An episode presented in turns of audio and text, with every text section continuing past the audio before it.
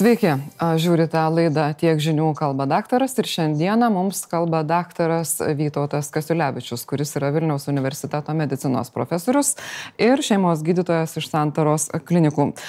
Medikų organizacijos nepritarė sveikatos apsaugos ministro pageidavimui, kad per šią pandemiją medikas pasirinktų vieną pagrindinę darbovietę ir nebedirbtų kitose. Kai medikų organizacijos nesutiko su tokia pozicija, ministras pasakė, kad jos tik tai deklaratyviai rūpinasi medikų apsauga, bet kai reikia priimti svarbius sprendimus, tai tada pasitraukia. Kokia yra jūsų pozicija? Ar reikėtų, kad medikas dirbtų tik tai vienoje darbovietėje, nepaisant to, kad galbūt kitoje darbovietėje dirba to mediko sutuoktinis? Na, mes suprantam čia šią problemą. Darbas keliose darbovietėse susijęs su didesnė infekcijos plėtra, tą mes žinome tačiau yra daugybė klausimų socialinių kitų klausimų kurie nėra išspręsti. Tai medikai nedirba iš to džiaugsmo didelio kad važinėti po visą lietuvą ir dirbti kuo daugiau darboviečių tiesiog jų atlyginimas tose antrose darbovietėse dažnai yra didesnis negu toj pradinėj pirminėj darbovietėj kur jie turbūt daugiausia ir patirties įgyja ir daugiausia save gali išmokyti ir pritaikyti, taip jau ir gaunasi, kad tarkim tokiuose didelėse ligoninėse, kur yra dideli pacientų srautai, medikai įgyja savo kvalifikaciją ir po to jie ją pritaiko kur nors regionuose, nors jiem ten sumokama didesnis atlyginimas. Na čia toks paradoksalus lietuviškas variantas, aišku. Ir, ir jeigu jie nedirbtų toj pagrindinėj bazėj toj pagrindinėj ligoninėj tai greičiausiai jie neturėtų tų įgūdžių o jeigu jie nebedirbs tose gydymo įstaigose kurios nutolusios nuo nuo stambiųjų centrų jie greičiausia na tos įstaigos turės užsidaryti vienaip ar kitaip. Tai tai čia yra daug problemų. Čia yra infekcijų kontrolės problema viena apie kurią kalba ministerija bet yra dar dvi problemos. Tai yra viso sveikatos paslaugų tinklo tvarumas ir taip pat socialinės garantijos ir ir na ir socialinis gerbūvis medikų. Tai čia toks klausimas sudėtingas. Čia negalima taip sakyti kad žinot jūs čia nesutikot ir pasitraukėt. Aš aš tikrai nežinau kokius sprendimus profesinės sąjungos priėmė bet aš aš manau kad jos turbūt e, kelia pagrįstus tokius klausimus ar ar tie gydytojai bus tikrai tinkamai sakysim jiems tinkamai bus kompensuota už tuos praradimus ar tiktai vėl eilinis nurodymas kažko nedaryti Ministerija atsitraukė dėl to vienos darbovietės pasirinkimo, tačiau medikai vis tiek jie turės deklaruoti, kur dirba ir, kaip teigia ministras, tai leis ligoninių arba kitų įstaigų vadovams efektyviau kontroliuoti, kad koronavirusas nebūtų platinamas. Bet ką tai reiškia realybėje? Ar vadovas galės pasakyti vienam medikui, jūs dirbate čia, tai dėl to negalėsite dirbti kitur, arba jeigu nori dirbti kitur, tai tada nedirbsit čia?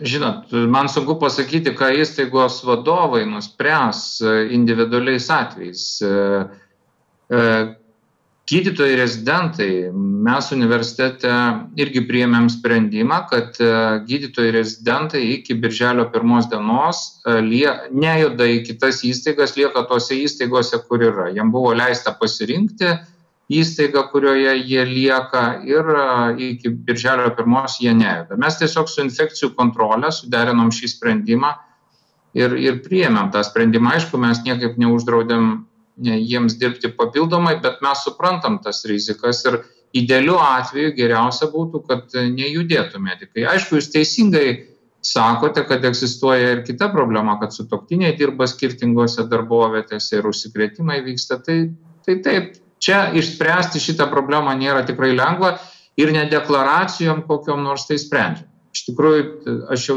šiandien esu sakęs kažkam kad kad mes na ne taip tuos klausimus sprendžiame ne per piaro prizmę reiktų o per susėdus tom organizacijom kartu su sveikatos ministerija su vadovų sąjunga ne gydytojų vadovų sąjunga tiesiog keletą dienų padirbėti ir ir rasti kažkokius tai sutarimus tokius optimalius kuriuos kurie sakysim kiek įmanoma mažintų infekcijų plitimo riziką nepažeistų medikų teisių nežinau, daug teisininkų jau pasakė, kad jie gali apskūsti kokiam nori teismui ir laimės. Tai, tai ta prasme, va šitos dalykus reikia daryti labai atsargiai, bet reikia tiesiog susėsti ir kalbėti. Tikrai mažintų užkrato plitimo galimybę maksimaliai naudojamos apsaugos priemonės. Kaip yra dabar? Ar medikai jau turi jų užtektinai, ten, kur jų reikia, ten, kur yra tikimybė, kad virusas gali pasklisti? Na tai čia mano nuomonė lieka ta pati, jinai nepilnai sutampa su valdžios pozicija, nes valdžia mano, kad viskas padaryta kaip kas reikia, bet aš pavyzdžiui tai taip negalvoju, nes padaryta yra darbų susijusių su atraminiam ligoninėm. Ir tos atraminės ligoninės, penkios, jos kiek įmanoma aprūpinamos, tačiau turbūt ir Laisvės TV turėjo pakankamai patirties įsitikinti, kaip toks aprūpinimas atrodo Klaipėdoje atraminiai ligoniniai.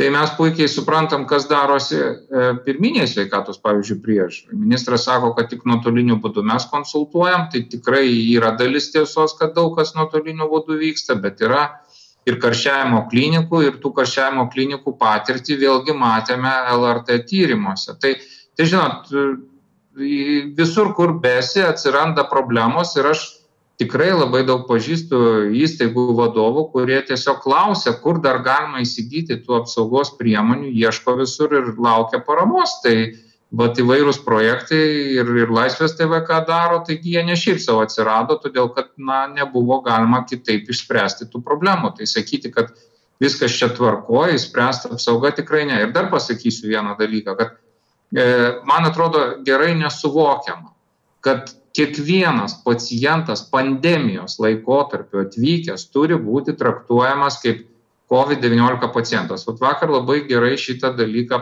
patvirtino ir profesorius Saulis Čeplinskas ir, ir eilė kitų specialistų, kur mes tik tai nesikalbam tiek Britanijoje, tiek kitose šalyse, visi tvirtina tą patį kiekvienas pacientas gali būti užkrato nešiotojas, kiekvienas gali užkrėsti, medikai gali užsikrėsti, jie gali užkrėsti kitus pacientus ir tas tęsis ir tęsis. Tai pasakyti, kad čia, žinot, yra kažkokia švari zona, e, reiškia didžioji dalis įstaigų, o yra nešvaros tik tai kabutėse, tik tai labai mažai kur, tai tikrai taip nėra. Kaip yra dabar, ar gydymo įstaigoms užtenka e, medikų personalo, turint galvoje, kad e, jų yra užsikrėtęs didelis skaičius ir nemažas izolacijai? Ar gydymo įstaigos patenkina poreikį, kad patenkintų savo pacientų reikmes? Na tai mes suprantam, kad dabar yra sustabdytas visas planinių paslaugų teikimas praktiškai. Ir, ir viską, kas vyksta nuotoliniu būdu arba neatidėliotinos intervencijos, būtinoji, skubioji pagalba, ji yra teikiama. Bet, bet žinot, planinės operacijos tai ne šiaip savo, ne, ne pramogai jos yra, reiškia, skiriamos. Jos yra susijęs su, na pavyzdžiui, tam tikrom intervencijom širdies kraujagyslių sistemai, kurių nepadarius anksčiau ir vėliau įvyks infarktas arba insultas, ar ne. E, pažiūrėkim į chirurgiją visą, kitą pilvo chirurgiją, kur, kur turbūt reikia šalinti, na, pavyzdžiui, tie patys navikai, ar ne, planinę operaciją pašalinti prostatos vėžį. Bet e, gali būti, kad tas vėžys ir neprogresuos. Bet jeigu jau suplanuota vėžio šalinimo operacija, tai turbūt jinai turėtų būti irgi, kad ir planinė, bet vis tiek atlikta tam tikrų laikų, laikotarpių, nes praleidus tą laikotarpį jau atsiras rizika e, plitimo. Tai, tai žinot, e, yra problema iš tikrųjų ir pačio personalo, sakysim, iškritimas, įvairaus personalo, kuris nebūtinai su COVID infekcija dirba, ar net dirba su, su ta pačia širdies kraujagyslių patologija, arba tie patys chirurgai, pas mus yra tikrai puikių specialistų, siauro profilio chirurgų, kurių kartais nėra tiek daug, jie yra na, aukšto lygio ir, ir mes juos turėtume labai saugoti. Tai dabar įsivaizduojam, jeigu jie iškrenta, tai tokių planinių operacijų atnaujinimas, jeigu jis ir prasidėtų, staiga neįspręstų nieko, nes nebūtų kam, kam tą daryti ir teikti tą pagalbą. Šiaip mes absoliučiai skaičiais turim tikrai nemažai medikų, gydytojų, bet jeigu pažiūrėtumėm į tai, kad tam tikrose specialybėse jų trūksta, ir, ir tam tikros pažeidžiamos vietos gali atsirasti, kur, kur mes neužtikrinsim normalaus paslaugų teikimo. Tai aš taip nesu toks didelis optimistas, ypač jeigu infekcija plis toliau. Kaip yra su medikų testavimu, nes kovo pabaigoje ministerija, sveikatos apsaugos ministerija paskelbė, kad bus testuojami visi medikai. Balandžio pirmą viename Seimo komitete ministras pasakė, kad kažkas neva buvo paleidęs tokią nuomonę. Dabar vėl kalbama, kad testavimas bus. Kaip yra iš tikrųjų, kiek jų yra testuota ir kaip dažnai jie yra testuojami? Na, žinot, aš negaliu atsakyti tiksliai, kiek yra ištestuota medikų ir, ir Tas nuolat klausimas svarstomas, ieškoma sprendimo. Ministras sakė, kad jeigu testuotumėm visus medikus, tai vien tik tai medikus ir testuotumėm iki birželio mėnesio.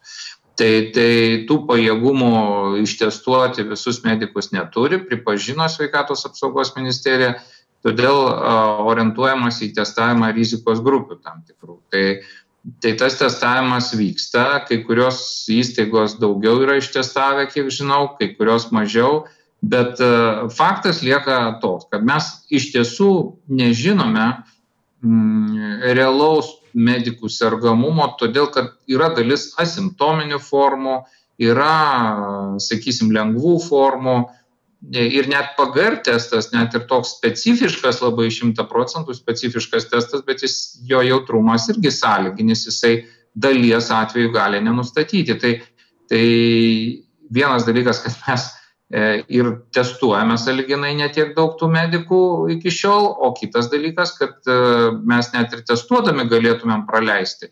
Arba tie medikai e, tiesiog nepapuola į tą testuojamų ratą. Tai žinot, tokie dalykai egzistuoja. Sunku atsakyti tą klausimą, na, turėtų sveikatos apsaugos ministerija išanalizuoti šitą klausimą. Jūs šiandien dalinatės komentaru po straipsnio Harvardo mokslininkų ir darote išvadą, kad tam, kad turėtume tą reikalingą na, būrio bandos arba kaimenės imunitetą, gali reikėti mažiausiai kelių COVID-19 bangų ir aš tikiuosi, kad tai bus tema jau kitam mūsų pokalbiui, nes šiandieniniam skirtas laikas baigėsi.